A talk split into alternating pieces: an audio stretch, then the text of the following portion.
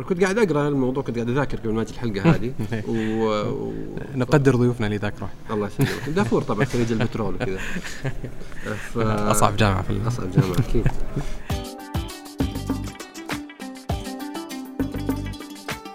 أنتم تستمعون إلى بودكاست إثراء. يقدم لكم هذه الحلقة محمد بازيد. صندوق من المعرفة مفتاحه ماذا لو؟ هذا صحيح. انظري إلى الأكسجين كيف يخرج. نحن الأكسجين مصدر الحياة. نحن الأكسجين مصدر الحياة. كلنا نعرف أن الكائنات الحية تعيش على الأكسجين اللي تمتصه من الجو المحيط سواء عن طريق التنفس أو بطريقة أخرى. لكن القليل يعرفون أن زيادة نسبة الأكسجين في الهواء قد تجعله يصل لمرحلة سمية غير قابلة للعيش. 21% فقط هي النسبة الطبيعية للأكسجين في الهواء بينما يشكل النيتروجين النسبة العظمى من تركيب الهواء. هناك نسبة أخرى من غازات مثل ثاني أكسيد الكربون، الأوزون بالإضافة لبخار الماء وعوالق صلبة لكنها تشكل نسبة بسيطة جدا لا تكاد تذكر. كيف ممكن يتكون الهواء من هذا الطيف الواسع من المكونات وبعضها أجزاء صلبة دون أن يكون له لون؟ في هذه الحلقة نستكشف الهواء، المادة التي تملأ غلافنا الجوي كاملا. المادة التي تملأ رئتينا في كل شهيق نأخذه من لحظة الولادة حتى لحظة الوفاة. ونسأل ماذا لو كان الهواء ملونا؟ انت لما تطلع على كوكب الأرض من بعيد حتلاقي فيه كده حو- حوالينك هالة مشعة لونها فعلا أقرب إلى اللون الأزرق. دكتور أشرف فقيه مهتم بالعلوم وكاتب خيال علمي. سجلنا معه هذا اللقاء في بهو مركز الملك عبد العزيز الثقافي العالمي بحكم عمله هناك كمدير العلاقات والتواصل. يقول دكتور أشرف أننا قد نتفق على أن الهواء شفاف لكن بمنظور علمي فالهواء يحمل بطبيعته لون وهو اللون الأزرق وزرقته هي الزرقة اللي نراها عندما نرفع رؤوسنا وننظر إلى السماء. وبرضه مسألة الألوان هذه مسألة نسبية لأنها خاضعة شو تعريف اللون، اللون هو الشيء اللي تشوفه عيوننا نحن كبشر، فأنت كبني آدم تشوف ألوان مختلفة عن اللون اللي يشوفه أي كائن حي آخر. الضوء عبارة عن موجات كهرومغناطيسية. هذه الموجات آه يعني هي عبارة عن تشكيلة من من ال- الألوان اللي تندمج مع بعض في الأخير تطلع الابيض، اللي هي التجربه حقت قوس قزح. ألوان الطيف معروف. ألوان الطيف. فالأش... إذا هذه الأشعة أو هذه الموجات تسقط على جسم معين؟ تسقط على جدار ترجع. على كرسي. تسقط على الذرات الصغيرة اللي موجودة في الهواء. ذرات إيش؟ النيتروجين والأكسجين اللي تكلمنا عنها من شوية. فتعكس لون. فتنعكس على عيوننا وتتبر وتترجم. حلو. هل هذا يعني إنه ال- الهواء يعكس اللون الأزرق بس؟ لا يعكس كل الألوان أو يشعتر يشتت كل الألوان. لكن آه ال ال ال نسبة الانعكاس هذه تعتمد على الفراغات اللي موجودة بين الذرات. ف تشكيلة الهواء حقنا في كوكب الأرض هذا عشان نبسطها آه للسامع آه الفراغات والمساحات اللي موجودة بين الذرات تعكس أول ما تعكس الأطوال الموجية الخاصة باللون الأزرق الأزرق. أو البنفسجي. بطبيعة الحال آه زاوية سقوط أشعة الشمس بحسب موقعك على الكرة الأرضية راح تغير لون الهواء، تغير زرقة الهواء شوية. ولما الشمس أو موقع, مو- موقع الأرض بالنسبة للشمس تغير ساعات المغيب تصير زاوية مرور الشمس آه، أو زاوية سقوط أشعة الشمس على الكوكب آه، فيش الكلام ينطبق على الفجر وعلى المغرب ترى. آه، الأشعة تاخذ مسار أطول عشان تجي أشعة الشمس بشكل مايل أكثر صحيح. وهنا الآن اللون الأزرق يتفلتر بدري. في في طبقات الجو العليا اللي هو اللون الأزرق والبنفسجي في الطيف وندخل أكثر على الألوان الصفراء أكثر. الأورنج. والأحمر. مم. ممتاز. هذا اللي عشان. كذا السماء يصير لونها أحمر. آه خلال ساعات الغروب. خلال ساعات الغروب أو الفجر بدري بسبب طول الموجة وطول الزاوية ال- ال- الوصول لأنه اللون الطيف الأقرب للأحمر البرتقالي والأصفر هذا هو اللي يعكس أو يفلتر من خ- من خلال ال- ال- الهواء.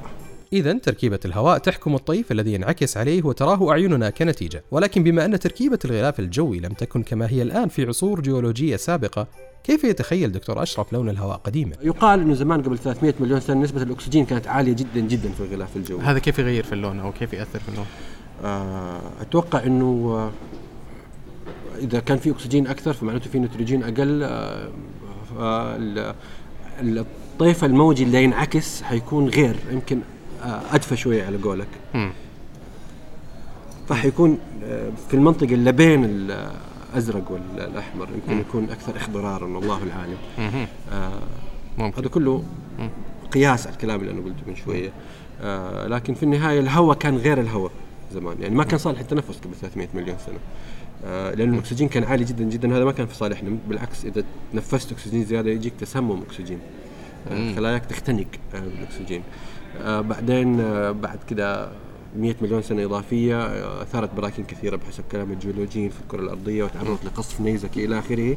وهذا كله أدى إلى آه، ظاهرة تشبه الاحتباس الحراري نتكلم عنه اليوم بس بشكل مضاعف جدا. فزادت نسبة الكربون بشكل كبير جدا في الغلاف الجوي. أجين هذا أكيد غير في لون الهواء. أي لون بالضبط؟ ما أعرف بس أنا أفضل يكون تركواز. تفضل هذا تفضيلك الشخصي. بالضبط. آه، طيب لون لون البحار له علاقة بالموضوع أو يتأثر بنفس اللي تكلمنا عنه الغلاف الجوي ولا هذا موضوع مختلف لا تماما البحار تعكس لون السماء مباشرة مباشرة. بهذا الشكل البسيط. طبعا لون القاع كمان إذا القاع قريب. ففي النهاية البحر أزرق عشان السماء زرق لون الهواء الأزرق الذي نراه في السماء لا نراه إذا نظرنا إلى حيز قريب على بعد أمتار مثلا وذلك لأن المسافة الممتدة للغلاف الجوي توفر تكثيف لوني يمكننا من أن نرى اللون بوضوح مما يعني أن درجة لون الهواء هي درجة خفيفة للغاية ويبقى الهواء شفاف لدرجة عالية جدا ولكن ليس تماما. إحنا الهواء مو شفاف هو الهواء الآن قاعد يعكس لمبات الفرسنت اللي موجود عندنا. فتلاحظ في ناس ما تداني هذه اللمبات أصلا تبغى. اللون الأصفر. فيصير الهواء اللي أنت تشوف لونه أقرب للصفر. فهو في الأخير الهواء قاعد هو الهواء شفاف بس لما نتكلم عن الهواء برا في الغلاف الجوي الخارجي الهواء اللي يصفح مثلا لو جي أنا المفروض إنه يكون لونه أزرق. أقول المفروض إنه لو جاك عج مثلا أو دخلت في عاصفه رمليه أنسى الأزرق خلاص. تماما. تحول برتقالي أو حتحول أو إلى. برتقالي أو اصفر إلى آخره. هذا هذا يتأثر بلون ال- ال- ال- الرمل صح؟ مباشرة اللي يكون العاصفة هذه. أو البكتيريا اللي موجودة. آه أحيانا. كثيرة تكلمنا جدا. أكثر عن البكتيريا هذه. إيش أحيانا؟ كثيرة جدا تكون بالذات في مناطق مطيرة أو غابات آه، أو مناطق موبوءة مثلا. آه، هذه البكتيريا لها دور آه، الهواء حوالينا طبعا مو فاضي مليان في مجرات من المخلوقات والكائنات كواكب وعالم ثانية من الكائنات المجهرية عايشة فيه. نتنفسها ونشهقها ونزفرها ومتعايشين غالبا معها بشكل آه، سلمي. يعني آه، لكن آه، أحيانا يحصل في مناطق معينة إنه نسبة البكتيريا هذه تزيد فيدخل هذا في آه، لون الهواء اللي نشوفه ولون بعض العواصف أو الأعاصير ال- ال- ال- تكون لها ألوان مميزة أحمر أزرق أخضر. هذه ظواهر مقيدة ومثبتة. بحسب العوالق اللي اللي فيها حسب سواء كانت من. حيويه عضوية أو غبار أو مواد كيميائية. أحيانا ت- تروح مدن مشهورة بالتلوث الصناعي تلاقي الهواء يسموه سموج لونه رمادي. رمادي تماما. في الخمسينات الميلادية لندن ظاهرة مشهورة جدا أو قصة مشهورة.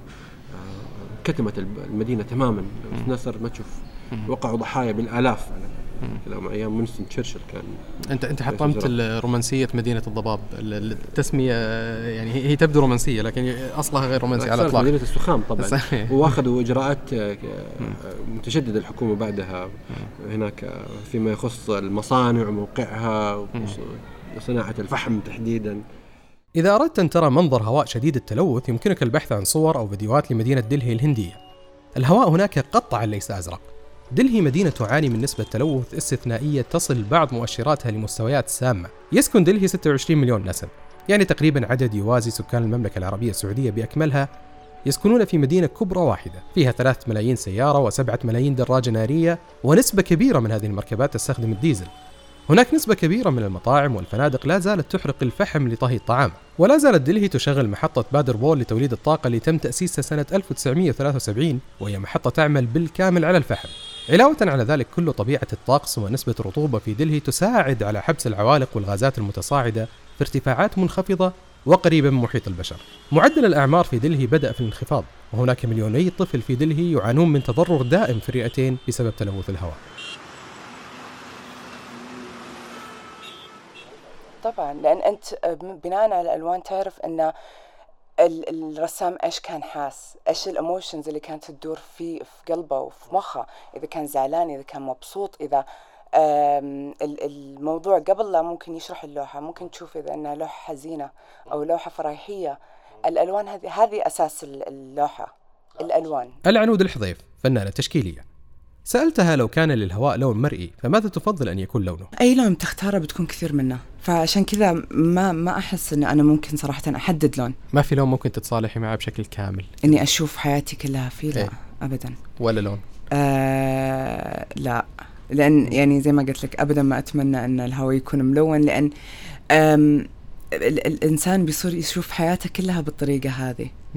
فما عاد يفرق ص- بين حزن وفرح وهذا خلاص الدنيا كلها كذا عرفت. كيف فشوي بيكون صعب اني أنا اتخيل صحيح إيه. فما في ولا لون ابدا طيب آه، هل في نوع من الرسم يتقاطع مع الهواء بشكل أساسي بشكل مباشر؟ أم ش- ما أتوقع بس أتوقع إنه الهواء ممكن هو اللي يتدخل بالرسم. زي مثلا لما نرسم طبيعة أو نرسم ظل للهواء. هذا ممكن يكون تأثير الهواء في اللوحة ظل الهواء إيش مم. يعني ظل الهواء بالضبط؟ يعني الهواء زي ما تعرف مو شيء ملموس إحنا صحيح. نحس فيه هو إحساس فإحنا لما نجي بن بنجسد الهواء مم. أوكي ما نقدر نرسمه زي ما هو نشوفه نشوف ظله في الأشجار نشوف ظله في الأوراق أوراق الشجر اللي تطيح تأثير تأثير الهواء بالضبط مم. تأثير الهواء نشوفه مم. في, في حركة الشعر في الأشياء هذه كلها هنا ممكن إحنا نعبر عن عن وجود الهواء أو. أو أو أو إيش إيش طبيعة الهواء في هذه اللوحة صح فعلا أحيانا. أحيانا فعلا الواحد ممكن يشوف لوحة تحكي جو عاصف أي بس من غير ما يشوف فيه من غير ما فعلي. يشوف في هواء. فعليا أي بس صح. إنه أنت ممكن تحس بالإحساس هذا مع من التكنيكس ومن الظل اللي أنت تشوفه اختيار لون مناسب للهواء يبدو مهمة أصعب مما توقعت ليس فقط لأنه سيملأ حياتنا حد الملل كما ترى العنود لكن لأن للألوان تأثير عميق بأمزجتنا وحالاتنا النفسية لطالما ارتبط اللون الأزرق مثلا بالحزن في الموسيقى الغربية. إلى الحد الذي أطلق اللون الأزرق على نوع موسيقي كامل أصبح يعرف بالبلوز.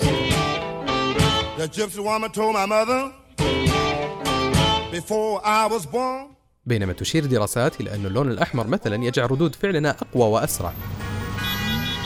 لذا ليس غريبا أن تكون إشارات التوقف المرورية وإضاءات السيارات الخلفية حمراء. في منطقة قريبة من الألوان وتأثيرها علينا يوجد هناك تخصص جديد نسبيا يعمل فيه أمثال أريج الحمود. أنا ريج الحمود محاضر في جامعة الملك سعود قسم التربية الفنية ومعالجة بالفن التشكيلي. بحسب أريج فالعلاج بالفن هو تخصص معروف من القرن الماضي ولكنه دخل للعالم العربي في الستينات من خلال مصر تحديدا وأصبح يدرس في جامعة حلوان تحت تخصص التربية الفنية بينما تقوم عليه مؤسسات متخصصة في الخارج. في المملكة العربية السعودية وصل هذا التخصص في التسعينات تقريبا من خلال عيادات خاصة وأقسام محدودة أضيفت لمراكز التأهيل إلى أن تم افتتاح قسم مختص بالعلاج في الفن في مستشفى التأهيل الطبي وهو أحد مستشفيات مدينة الملك فهد الطبية في الرياض وذلك في عام 2006 أريج تشرح لنا آلية عملها. آه، في البداية طبعا راح يكون يدخل على قسم التأهيل أو مستشفى التأهيل. آه، يؤخذ طبعا تاريخه الصحي. آه، طبعا يشوفون إيش بالضبط ال- التخصصات اللي هو محتاجها العلاج وظيفي علاج فيز... آه، علاج فيزيائي وغيره. آه، هنا يجي دور طبعا بعد كذا كفريق يعني جزء من فريق العمل وحدة العلاج بالفن التشكيلي. نستقبل المريض نعرف تاريخه الطبي آه، تاريخه يعني تاريخ الحالة ككل. بعد كذا إحنا عندنا اللي هو التقييم المبدئي للحالة يقوم عن طريق يعني استمارة خاصة بالعلاج بالفن التشكيلي. وبعد كذا راح يكون في اختبارات مقننة خاصة بالعلاج بالفن التشكيلي. وبرضه تكون يعني في جزئية منها مرتبطة بعلم النفس. مم. هذه الاختبارات مثلا أرسم شجرة أرسم منزل أرسم شخص. آه بعض الاختبارات الخاصة بس بالفن التشكيلي اللي هو آه اختبار اللي سلسلة الرسوم التشخيصية. آه اللي هي رسم المشاعر والأحاسيس. ومع أن المريض هذا يوقف عندها تقريبا ساعة على أساس يقدر يفهم. كيف يرسم مشاعره وأحاسيسه؟ هذ- هذه حتى لو الشخص المراجع أو المريض ما يعرف يرسم على الإطلاق. طبعا أنا أنا كنت ماسكة في فترة الماجستير المرضى تقريبا كان أعمارهم 80 سنة وأساسا ولا بحياتهم مسكوا قلم يعني. طيب كيف كيف تقيمين الرسم؟ أو كيف آه. تجاوبهم وتفاعلهم مع الموضوع؟ آه، في البداية طبعا في ناس يتقبلون الأمر. آه، بعد كذا يعني في ناس لا إنه كيف أنا ما أعرف أكتب كيف راح أرسم؟ وبهذه المرحلة يكون كثير شبيه رسومهم برسوم الأطفال خاصة مم. اللي يكونون ال- المسنين. مم. فإحنا في العلاج بالفن التشكيلي لا نبحث عن الجمالية قد ما إنه إحنا نبحث عن عن المضمون. إيش تقول؟ ماذا تقول هذه اللوحات؟ أوكي بالضبط. إنه أنا الآن أخاطب العقل الباطن من خلال هذا الرسم. آه، إيش المشاكل النفسية المترتبة على الإصابة؟ آه، إيش ال- هل المريض متكيف أم لا؟ أنا إيش أقدر أساعد المريض هذا في تحسين حركة الأطراف عنده من خلال الفن؟ فأبدأ أوظف ال- الخامات الفنية. ممكن أعطيه طين صلصال وأبدأ نشكل بطريقة معينة تتدرج أحيانا من السهل إلى الصعب وعلى أساسها نكون لوحة فنية ملونة. تعمل أريج أيضا كرسامة وقالت لي أن عملها في تحليل الرسوم ينعكس عليها عندما تعود لتتأمل أعمال رسمتها مسبقا. فتكتشف خفايا نفسية أو ذهنية عن ذاتها من خلال تحليل تلك الأعمال. كذلك تقول أريج أن تخصصها أثر على تجربتها ككل عندما تدخل معرض فني مثلا. بس بالعكس أنا أستمتع لما أدخل مكان وألقى رسومات معينة. أحيانا أشتاق إني أنا أشوف أصحابها يعني آه تبغى تعرفي عليهم بشكل. أفضل. لأي درجة تثقي بقراءتك أو قراءة أي مختص ثاني يعني لل- للوحات لأي درجة تكون دقيقة يعني؟ هي ما تكون دقيقة مئة بالمئة. مم. ولذلك بالنسبة يعني كطريقة آه، يعني أكاديمية وطريقة مم. علمية لازم أسأل المريض أسئلة مباشرة. لازم تاخذي تاريخ آه هذا م- في المرحلة الأولى أخذ التاريخ لكن أنا لازم أسأل المريض أسئلة مباشرة. عن عن تفسير بعض الأشياء؟ عن تفسير بعض الأشياء مثلا إيش اللي صار لك من سب من سبع شهور مثلا؟ لا هذا مرة دقيق السؤال. بالضبط. إيه. آه إيش اللي صار لك مثلا آه، إنه حدث معك حدث في الفترة الزمنية الماضية؟ أنت تفكر في المستقبل بشكل كبير. آه في عندك مشاكل عائلية وفي مشكلة ضاغطة عليك الفترة الحالية. كلها هذه رموز من خلال الرسمة تطلع. م، يتم تحليلها من خلال الرسم بالضبط. فهذا طبعا غير إنه هل أنت تعاني من نقص الثقة في الذات؟ آم، أنت تحس نفسك أقل من أصحابك؟ أنت تحس نفسك إنه أنت مبتكر وثقتك عالية؟ فكلها تبين من خلال الرسومات. ال- لو صار الهواء ملون بس برجع لموضوع الحلقة. أوكي. أه تتوقع الناس اللي عندهم آه رهاب الأماكن المغلقة كيف بيكون وضعهم؟ بالنسبة ل- يعني أول شيء مجرد وجود هواء ملون في مكان مغلق مجرد التفكير فيه أنت راح تختنق.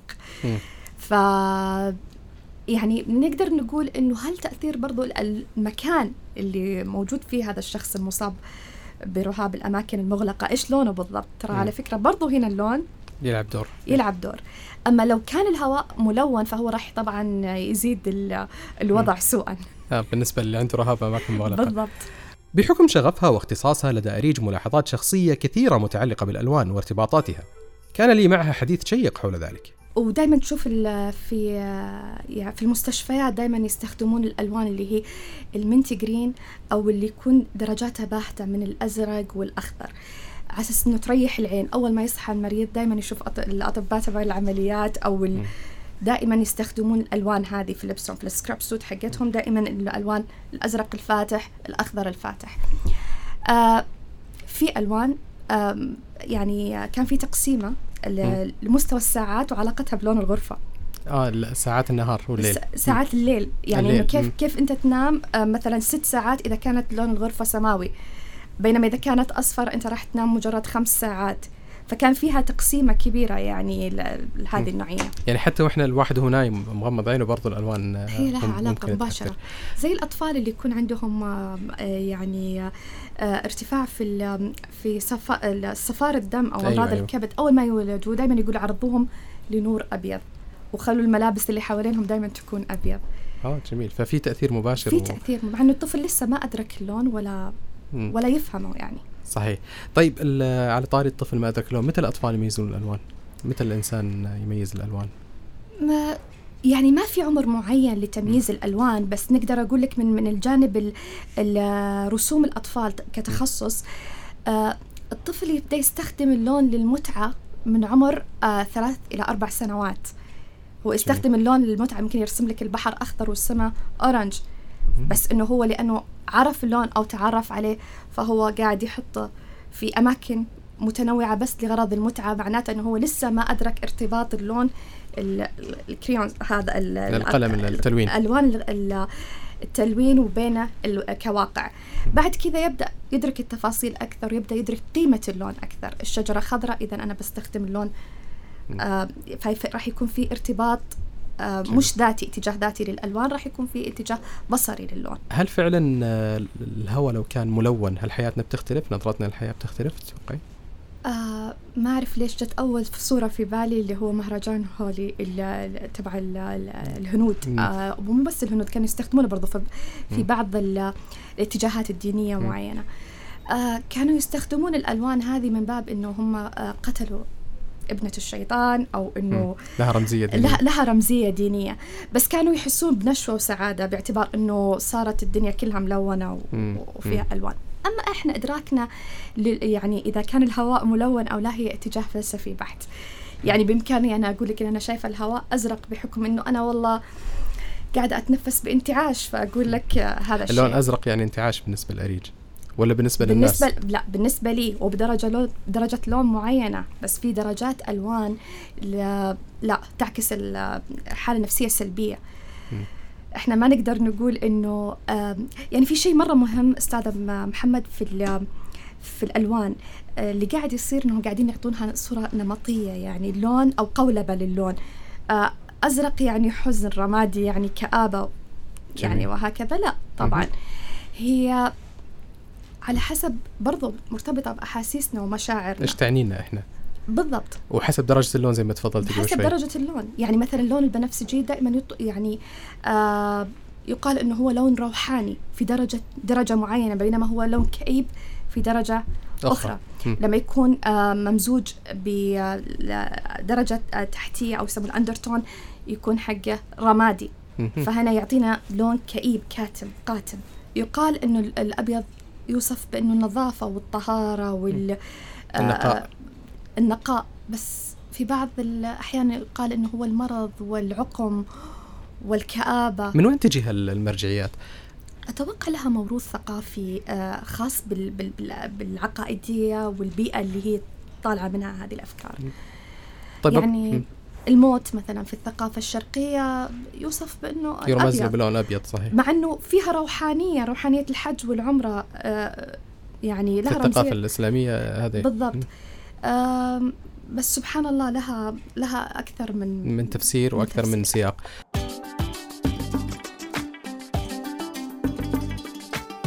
هل ممكن الآن آه، علميا إنتاج هواء ملون بالألوان اللي إحنا نبغاها؟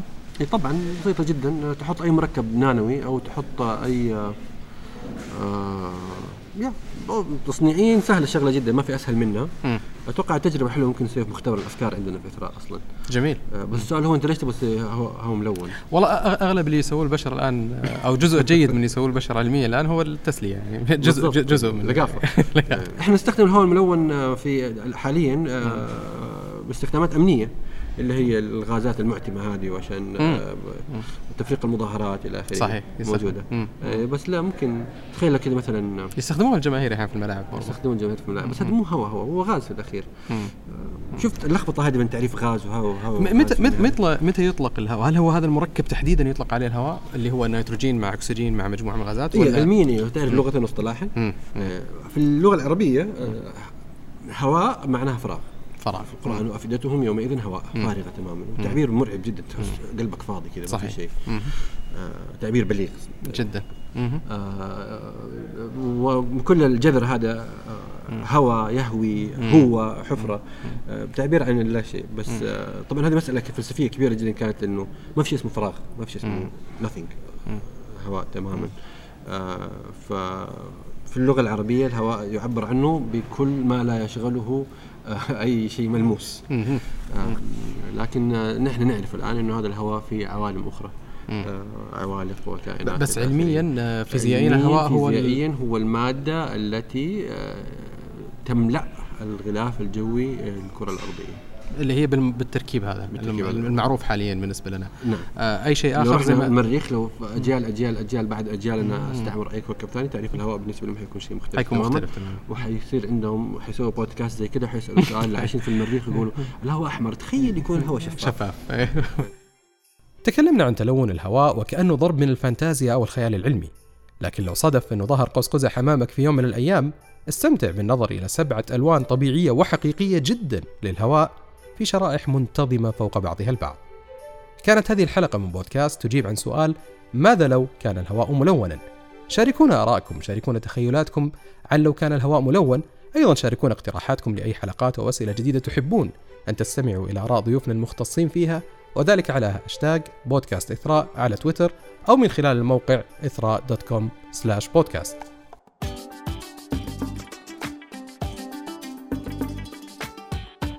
للتواصل معنا أرسلوا على بودكاست